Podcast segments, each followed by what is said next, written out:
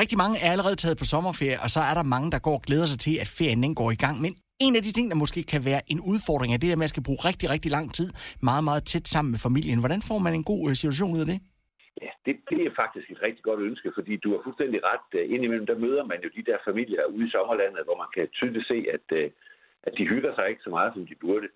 Øh, og, og, og det kan man godt, det kan man godt lave om på. Og så er der måske nogen, der sidder og tænker, ja, ja, det kan du sagtens sige, så har du ikke mødt min familie, eller vi har ikke, vi har ikke ret mange penge. Øh, men det kan jeg faktisk godt. Fordi det handler nemlig slet ikke om penge eller om at rejse langt væk. Øh, det handler om at beslutte, at man vil øh, gøre hver feriedag til den bedste, og være den bedste version af sig selv for hinandens skyld. Øh, og det er nemlig tricket for, for alle os, der hvad skal sige, lever sådan et, et helt almindeligt liv. vi kan godt gøre vores ferie helt fantastisk, hvis vi beslutter os for det. og for at droppe de der dårlige vaner, for det handler jo om vaner, at hvis vi er stresset til hverdag, og vi har den der dynamik i familien med nogen, der altid er lidt sure og nogen, der er lidt stresset, så kan det være svært at komme ud af. Og det skal man prøve at, at, at få lavet om på. Og der har jeg altså lidt sjovt forslag, der kan sparke gang i løjerne. Mm. Øh, man kan kalde familien sammen ved spisebordet og servere en feriedrink med paraplyer og sugerør og hele pivetøjet. Og så kan man sætte sig ned og lave en feriekontrakt med hinanden. Det lyder frygtelig kedeligt, men det er det faktisk slet ikke. Det skal være sådan en sjov en, som alle skriver under på. Også babyen og hunden. Alle skal være med. Øh, og så kan man lave nogle punkter, som, øh, som gør noget ved det her. Øh, og jeg har et par punkter, som man kan starte med for lige at komme i gang.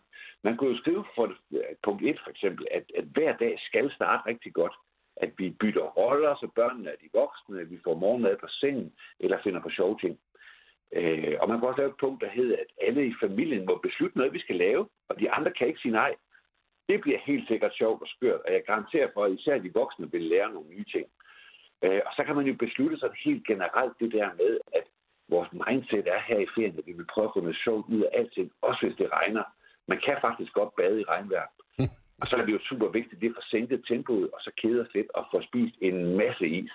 Så noget af det, der er allervigtigst, det er, at vi får taget lidt på i ferien, så vi kan, så vi kan have noget at slanke på resten af året. Ikke? Det lyder som nogle gode tips, men hvordan undgår man i en familie med børn at falde i den her fælde, at det hele kommer til at handle om børnene, og så bliver vi for skilt, når vi kommer hjem?